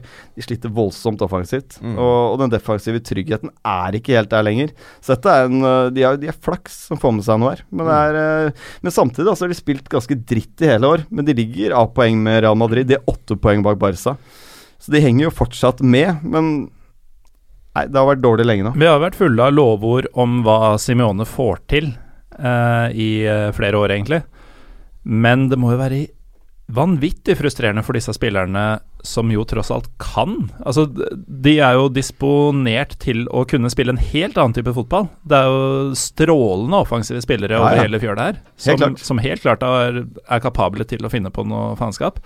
Men uh, jeg, jeg ser jo det samme i Lillestrøm nå. Jeg, det er derfor jeg har mista håret nylig. uh, at det er uh, et lag som nok ville gjort det mye bedre om de hadde fått lov til å spille på en annen måte. Ja. Og det så kan man si om Simione, han har jo sin stil. Det er 4-4-2. Han gjør jo ikke noen nye taktiske grep til hver kamp. Det kan være at han setter inn en mer offensiv ving. Mm. Istedenfor å spille med de fire med defensivt orienterte midtbanespillere, så he, eh, slenger han inn Carasco på venstrevingen eller Gaitan eller et eller annet for å få en mer offensiv kraft. Men det er fortsatt 4-4-2. Samme grunnleggende spillemønstre. Kanskje det går an uh, for Simeone å prøve å tenke litt nytt.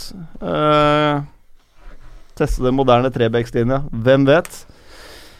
Nei, eh, det ser tungt ut for Atletico, men de er fortsatt med, da. Bortsett fra at de er ute av Champions League, og det er jo Og da mener jeg på en måte sesongen mer eller mindre har vært en fiasko uansett, for de ender nok bak Real Madrid og Barca i år igjen. Gallosen. Mm. Eh, vi tar league Ø med deg nå. Ok. Eh, Sant Etienne. De spilte mot eh, Lyon. Ja, et av sesongens høydepunkter eh, skal det være i den eh, franske ligaen. Ja. Eh, Ron Derby, eller Derby du Ron, Oh, som de ville sagt. flesker deg på denne treeren din Ja. på i avisa. Det var jo ikke en treer i avisa. Ja, terningkast tre. som Terningkast tre, ja. Du har, du, ja, terningkast tre du fikk. Terningkast tre-gutta er for øvrig veldig interessante typer. Ja, de er veldig ålreite, de. Uh, nei, det, det er jo et meget tradisjonsrikt uh, oppgjør. Et av de større rivaleriene du har i fransk fotball. Og at da Saint-Étienne mot eh, Lyon skal ende 0-5, det falt jo en del hjemmefans eh, tungt for brystet. Jeg skal komme tilbake til det, men eh, vi kan jo først slenge ut et heia Norge. For Ole Selnes han starta kampen, og Søderlund kom inn for en skadet Roman Amoma. Aha. Etter 13 minutter allerede, så han spilte i praksis hele kampen, han også. Da sto det allerede 0-1, riktignok, men det var jo først etter at Søderlund kom inn, at det rant inn bakover. Forklarer jo en del, da. Eh, nå er det vel ikke han som uh, Jeg tenker, når du, når du starter Alexander Søderlund eh, Det gjør du for så vidt ikke, men når du har Alexander Søderlund på banen i uh, nesten hele kampen, da skal du tape 5-0 når et lag som Lyon kommer. Og det gjør de jo. Eh, det hjelper jo heller ikke at Leo Lacroix fikk eh, nok av eh, Nabil Fikir, som for øvrig kanskje er den aller beste spilleren i hele liga mm. denne sesongen. Mye steg, også. Han har vært helt ram. Jeg så Helt staten, det er bare utrolig. Messi og Neymar som har mer suksessfulle driblinger enn Fekir mm. ja. i topp fem-ligaen. Totalt sett så er vel en som er over de når det gjelder suksess, men han heter Chiro Det er suksess, dribling eh, Det er jeg driblinger jeg Tenk på målet er sist. Okay, ja, Ja, det var driblinger. Nei, I hvert fall uh, rett etter pause, da, på stillinga 0-2 var det vel til det, så uh, tar Lacroix Fikir ganske stygt. Da har Fikir allerede skåra det første av sine to mål i kampen. Og uh, det var mye eh, Altså, Fikir herja så mye at han, han eh, ble tatt ureglementert, kan man si, flere ganger. Og den store overskrifta i eh, kampen kom jo da fem minutter før slutt, da Fikir, nettopp Fikir setter inn 5-0. Og tar av seg drakta og driver og viser den, holder den demonstrativt opp foran uh, Magic-fans, uh, som er uh, en ganske notorisk gjeng bak eh, målet til uh, Saint-Étienne. Ja. Banestorming. Å, ja. Eh, ganske voldelige scener. Spillerne og dommere løper i garderobene. Det er eh, lenge usikkert hvorvidt kampen skal spilles ferdig eller bare avsluttes. Og uh, Saint-Étienne vil jo bli straffet i ettertid uansett, men eh, de tømmer stadionet etter hvert. da. De får en viss kontroll. Får publikum ut og spiller ferdig de siste fem minuttene. Ingenting skjer der. Og eh, noe av det mer eh, ydmykende Saint-Étienne har opplevd i derbysammenheng, er et faktum. Det er faktisk bare altså, den den største, største seieren til et lag i eh, denne derbyhistorien, siden de først møttes i 1951, det var i eh, 1969, da Saint-Étienne vant eh, 7-1 bort mot Lyon. Lyon var eh, med andre ord én scoring unna å tangere den ydmykelsen fra 60-tallet. Og alt dette pga. at Norge produserer dårlige fotballspillere. I all hovedsak så Så var det dette Alexander Sørensens skyld. Det er bare å glede seg til landskamper. Ja. Det blir bra. Uh, Angers mot PSG, samme resultat. Samme resultat. Det var i det hele tatt mye storseire til uh, topp fire-laga denne runden. Uh, Angers uh, tar imot PSG, og som alltid når Angers møter PSG, så blir det PSG-seier. Utenom en 0-0-kamp i desember 2015. Men de siste eh, seks møtene så har eh, PSG vunnet fem. Og den eneste skåringa Angers har i eh, disse seks kampene, det kom i et 5-1-tap. Mm. Så dette er et lag PSG gjør hva de vil med til enhver tid.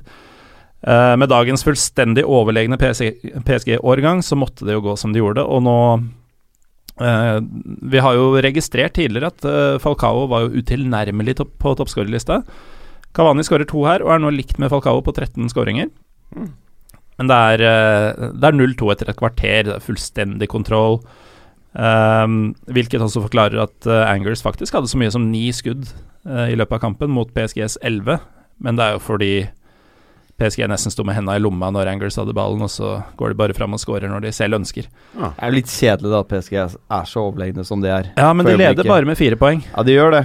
Men Ikke at det kommer til å minke, Har, nei, men, men eh, Monaco har en del skreller i bagen, da. Mm. Altså, de kommer til å gå på noen. Men de vi har kan, gjort det vi, allerede. vi kan gå rett over til Monaco, eh, for de skrelte jo ikke nå, til tross for at den lårskadda Falcao antagelig jævlig bitter for det, fordi dette var jo en match hvor han ville hamra inn i hvert fall fire skåringer. eh, og ser at Kavani eh, tangerer han. Eh, men han eh, var ute med en lårskade og eh, ser at eh, Monaco slår Gangamp med 6-0.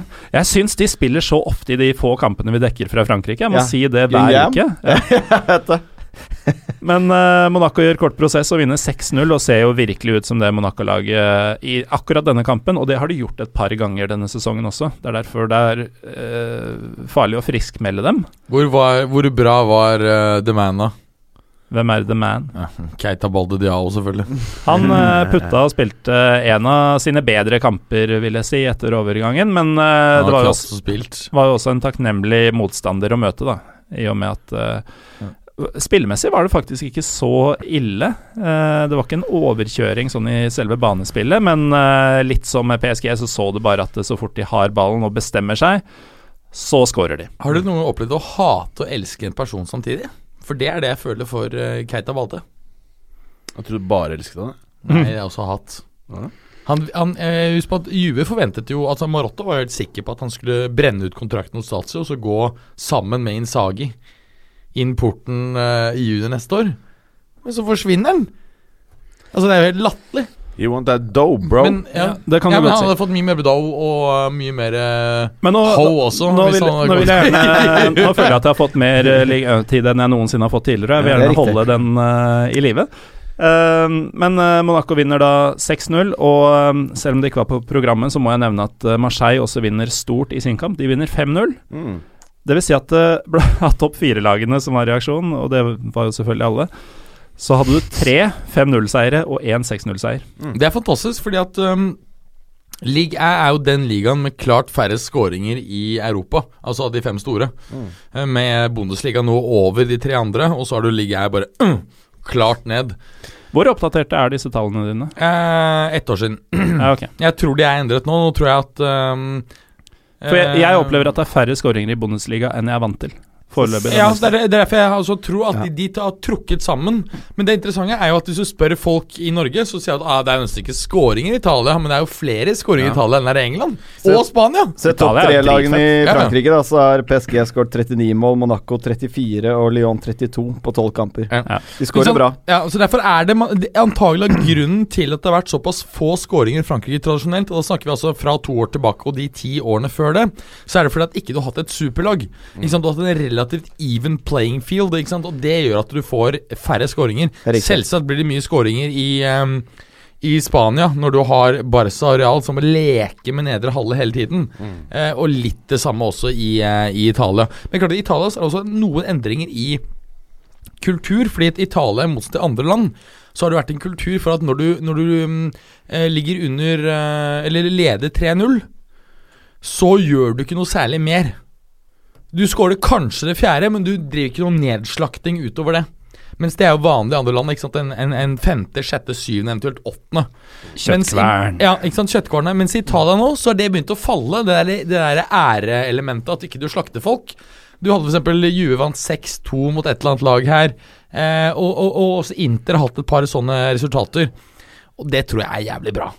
Nedslakting er bra. Er du ræva, så trenger du faen meg slakt. Var det nedslakting mellom Juventus og Benevento. Det var det ikke, ass. Hva er det dere dreiv med? Ja, det kan du godt spørre om. Ju- Beneven- Minner om at jeg eide på Benevento er- ass. Ja, altså, jeg var Benevento-fan ja, ja, en altså, liten periode der. ja. Det er litt artig. Det er selvfølgelig er artig. Et lag som aldri skulle vært oppe i det hele tatt. Det er jo helt vilt. ikke sant? Fantastisk. Ikke vunnet et, uh, en kamp på 11 eller 12. 12 er det vel? 12? Tapt alle, faktisk. De er vel i rute for å være det desidert, altså ikke bare det dårligste, men det desidert dårligste Serie A-laget noensinne. Sånn Ja. som det ser ut. Kom inn i kampen her. Null poeng. Kun fire skårede. Og så kommer Cicciretti på et frispark. Og pent frispark òg. flott frispark. Etter bare 19 minutter. Juve under. Litt sånn confused. Men ikke sant, det starter jo tankskipet. Det, ikke sant, Får opp fart, og så ligger det bare en sånn lite enkel bulkskip ved siden av. Det bare seiler jo forbi ikke sant, rett gjennom det. Det er jo ganske lett å lage en fotballuka-bingo når vi bruker de samme analogiene hvert jævla år. Vi kjører shippinganalogier. Vi har jo en maritim Ja, ja. bakgrunn her oppe i nord, eh, tross ja. alt. Eh, men eh, altså, det var jo forvent Juve har selvfølgelig forventet å feie Benevento eh, på eh, Juventus sin 120-årsdag, eh, eh, som det var forrige uke. Eh, men det er klart at man, man kjemper seg tilbake. Det er Higuain ved 57 som for øvrig har begynt å score igjen. Uh, uten å ta, ta av vekt. Og Cuadrado, som er utskjelt og alle hater, men som faktisk leverer Poenget er at han, Han gjør en jobb, da. Altså Poenget er at han, han løper mye, han er involvert mye, og så gjør han så jævlig mye rare ting. Men så er det bare sånn Hei, han greier å gjøre én eller to bra ting per kamp, og det holder jo. Han er liksom decisive. Han minner meg litt om Øyvind Lenardsen. Nei, fordi han er ikke best alltid uten ball. Noen ganger er han genial med ball. Leonardsen kunne aldri gjort noen av de tingene som Nei, han en, gjør. En, en, så det er ikke det. riktig. Poenget er at han, er- han, er, ho han er mer som en hodeløs høns. Som løper ekstremt mye, og noen ganger så blir det riktig uansett. Det er jeg tror jeg er mer avkappet Ja, jeg jeg med deg det tror jeg er, ja. Vi kan gå videre til neste kamp, som er eh, utrolig nok en 0-0-kamp med Napoli. What the fuck? Det er jo et av de Det av har vært vanvittig keeperspill. Eh, Utrolig nok så var PP Reina ute, og, og Nei, jeg tenker andre veien. Nei, ja, det, ja, ja, ja, det var det. det var det Men eh, når vi keeperspill, så hadde mm, keeperen som sto, Han hadde ikke vært på banen siden eh, 2009 for Napoli. det er så jævlig bra. Og, og da hadde også Fause Golam, som er fantastisk venstreback, som uh, City hadde tenkt å kjøpe, tror jeg, på nyåret fordi Mendy er uh, forkrøpla til uh, april. Eh, han har jo vunnet uh, gullmedaljen skademessig med sånne ACL, sånn Hva faen er menisk? Korsbåndskade. Kors, korsbåndskade, ja. Mm. Ute for alltid. Ark Arkadius Milik ute, han også for en lenge. Um, det er hardt slag for en klubb som Napoli. For Napoli er jo De har en elver som er veldig, veldig bra. Uh, så har de én eller to man kan dytte inn på, på midten der, med Zelinskyj annet. Ja. Men de har ikke noe 14-15. mann som er veldig, veldig bra. Og det kan jo bli Det virker som det kan bli Napolis bane i Champions League nå. De står jo i stor fare for å ryke ut, dessverre. problemet er jo at det blir bane også i Serie A. Riktig. Det tror jeg også det kan bli over en lang sesong, for det Ja. vil komme noen skader her, suspensjoner. Jeg hadde trodd at det, det vi ser nå skulle skje i februar. Ja. Det ser Mm. veldig bra ut for Juve, veldig dårlig ut for Napoli. Eh, når, når, når de begynner å slite med de faktorene i, i tidlig november, da er du fucked når mars kommer, altså. Og så ser du også når eh, Når vi eh, Vi har ikke avskrevet Juve, men når vi liksom har begynt å når, når vi har begynt å drømme litt. å prate på oss. Eh, om at det skal være en eh, god gullkamp og etterlengta spenning i uh, Serie A, så ser du allerede nå, som du er inne på, Mats, at eh, Napoli begynner å skrangle litt. Og akkurat denne uka, når eh, man kunne satt sin lit til Inter, så fucker de det opp også. Ja, men det skal vi videre til. Så um, Kievo holder eh, Kievo holder, og det er jo en meget sterk eh, 0-0 av, av Kievo, men de greier altså det. Og, og det betyr jo at det er to, to poeng Juve tar innpå og ligger ett poeng bak. Vi må også snakke litt om Jorginho, som mange nå er opptatt av. eh, Spesielt i forbindelse med at han har spilt to landskamper tidligere. Vennskapskamper for Italia. Kommer han til å bli kalt opp av Brasil til eh, competitive kamp, eller blir det Italia? Jorginho er jo uh, født i um, Brasil. Sørlig Brasil, selvfølgelig, som alle italo-brasilianere er, med italienske besteforeldre. Selvsagt. Ja. Um, området rundt uh, litt nord for Coriciba, hvor veldig mange tyskere typisk er. Der har du jo altså, Giselle Bündchen og, og de blonde, ikke sant. Jævlig mye nazi. Jævlig flinke Jævlig mye flinke, med, uh, mye, mye flinke ingeniører, for å si det Ja, sånn. det er det. By chance er det mye flinkere ingeniører i Sør-Brasil! det er helt fantastisk. Jeg syns det er kjempeinteressant. Ja, og, Eh, og så er det jeg merkelig lyse kvinner her. jo, men det er, noe, det er jo helt fair enough, det. Georgino er jo derfra. Sammenlignet altså, La oss ta litt stats her. Um, for Han har jo også fått litt traction etter hvert. Han har vært god et par år, men tatt nye steg. 25. Kom til Italia som 15-åring, så hele familien flyttet eh, på det tidspunktet. Han han har nest flest pasninger i en enk enkeltkamp i eh, Europa denne sesongen. 159. Faktisk bare Dortmund stopper uh, Toprak med sine 171 som er foran han. Men han har flest vellykkede pasninger i topp fem-ligaene i Europa denne sesongen. 2024. Nesten 93% pasningssikkerhet. Sammenlignes med Savi, Pirlo og Sabi Alonso, men han har mye færre assists. Det jeg tenker på kreativiteten. Jeg tenker veldig Ja. med de pasningene han gjør, er veldig mye sånn femmeterspasninger. Ja, Spiller veldig mye på det trygge. Ja. Det er jo ikke Men det- veldig mye han prøver på av det kreative. Men, men det er eh, også Han gjør jo nesten utelukkende riktige løsninger. Ja. Det er sant. Han, han kjenner sine begrensninger, og han vet eh, hva som er det rette valget å ta der. og det er en styrke. Det er det. Og, og han beveger seg heller ikke voldsomt mye. Altså, Raja Nangolo var ute og sa nå at eh, det å spille mot Jorginho, det er um, det mest uh, uttømmende og tyngste jeg gjør i løpet av sesongen. Og det er på tross av at han nesten ikke beveger seg i det hele tatt. Det er at han er så rask på å passe ballen, men han har utviklet seg hele tiden. Så det jeg tror, min spådom, det er at vi over de neste sesongene kommer til å se betydelig flere både skudd på mål og, må og, og mål, men også lange gjennomtredde pasninger. For han utvikler seg hele tiden. Pasningsregisteret hans er i utvikling. Husk også at Pirlos beste år ikke var da han var 25. Det var, da var Pirlo også litt mer sånn Altså, ja. Eh, det var altså basically fra 28 til 38. Så Jorginho er 25. Han er 25 år gammel, ja. Ja. så han har jo masse tid på å utvikle seg. Og så var det jo et uh, storoppgjør. Fiorentina Rama. Oi, oi, oi. Er jo også Fiorentina er jo Fiorentina er Fiorentina og har jo blant annet eh, El Cholo. Uh, Diego Simiones uh, sønn i, i stallen, i tillegg til sønnen til Enrico Chiesa. De er jo henholdsvis spiss og wing på, på dette laget, og um, Er Haji der ennå? Hvem? Haji junior? Ja, ja, men han, han spiller vel ikke voldsomt. Uh, da har vel fått uh, litt. Men, men en annen Haji var en av mine helter på Altså VM 90, var det vel? Mm. Kanskje? Og Ja. da Haji Rula. Ja, det var vel 90. Det er helt riktig, men, var vel, ja. eh, men det er også en annen som er eh, en av Galåsens store favoritter, som han har snakket om i flere år. Det er Sengis Under.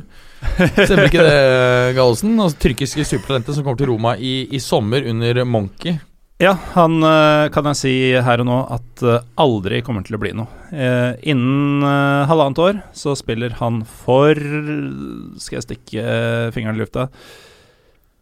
Risespor. Tror du det kommer til å da bli en landslagssamling, og så ender han på fest? Eh, horefest i Istanbul, og så blir det tatt bilder som blir publisert? Sånn klassisk eh, tyrkisk talent som går på en smell? Kan godt være. Det kan også være at det samme skjer uten at det blir tatt noen bilder. Han slipper unna med det og tar med seg den kulturen til Roma fordi det var gøy.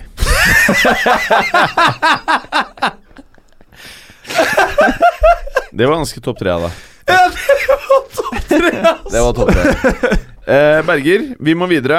Eh, kan vi runde av med siste oppgjør? Jeg har jo ikke snakket om kampen og sagt resultatet.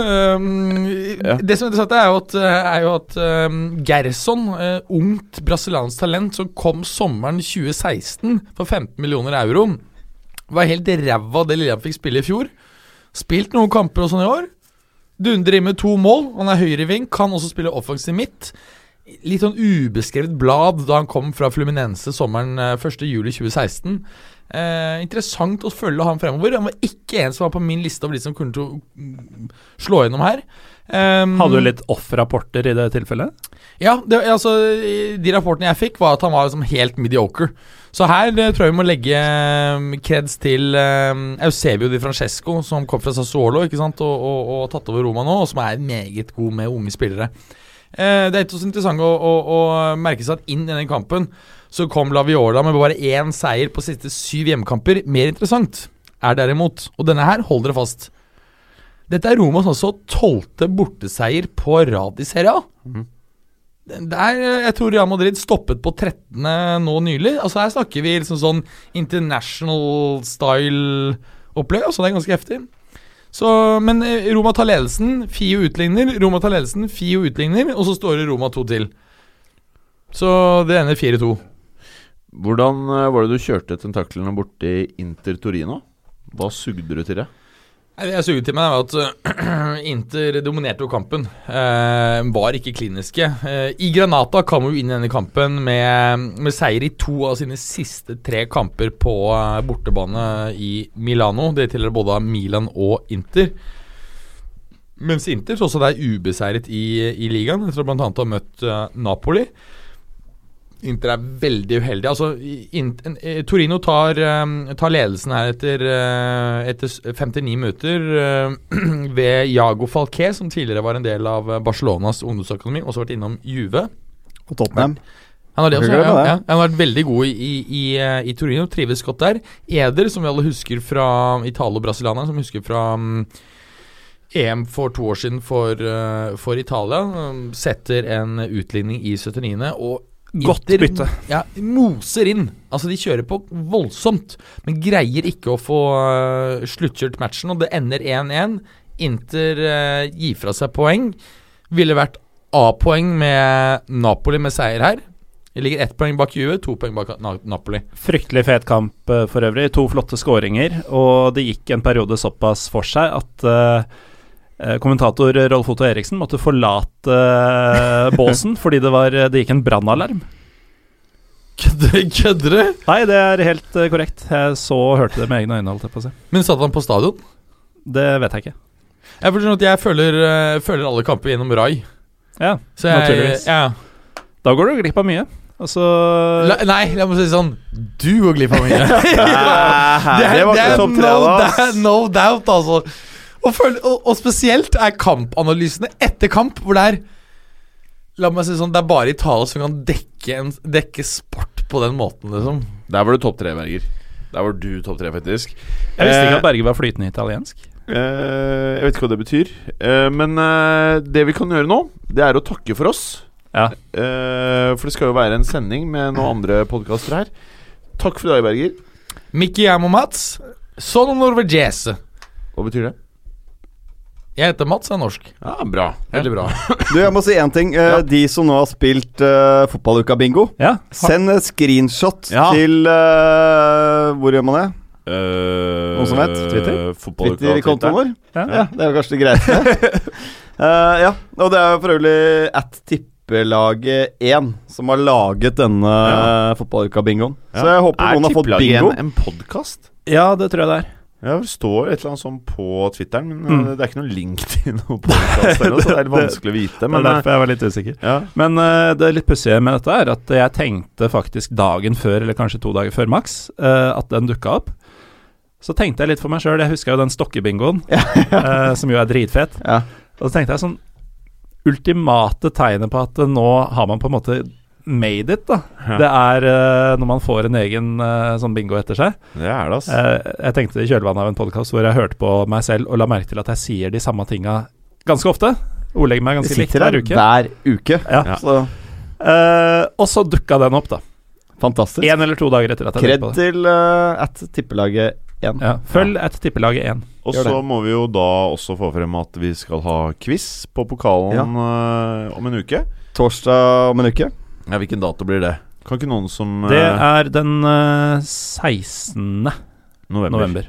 16. november klokka 19.00 på pokalen. Og Hvem er quizmaster der? ja, hvem er det?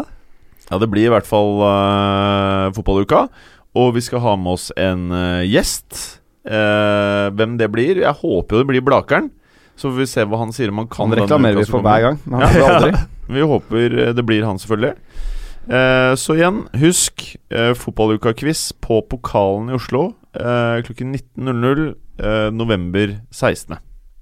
Det blir så bra, det. Ja. Ja, altså, det kommer til å bli helt vilt. Det blir jo, det blir jo Bergeren som skal uh, kauke. ja, det blir så Det kommer til å bare flagre rapporter. ja, Og tentakler oppi det ene og det andre. Og det, og det kan bli improviserte spørsmål. Ja. Men det, så Og kan, de gis det mye ekstrapoeng for og greier. Veldig bra. Takk for i dag, eller? Det blir spennende for meg, den quizen, merker jeg. Eh, takk for oss. Grazie, mille grazie. Vel, I dag er du bunnsolid med tentaklene dine. Jeg har sagt ha det bra, jeg. Ja, det gjorde du faktisk. Og så T3. Ha det bra. Det var ikke en topp tre ha det bra. Dette er hvordan en topp tre ha det bra er. Takk for i dag, kjære lytter. Vi hørs. Du sa ikke ha det bra. Nei, jeg sa ikke det. Fotballuka T3. Takk for at du hadde høre på. Vi er Fotballuka på Twitter, Facebook og Instagram. Følg oss gjerne.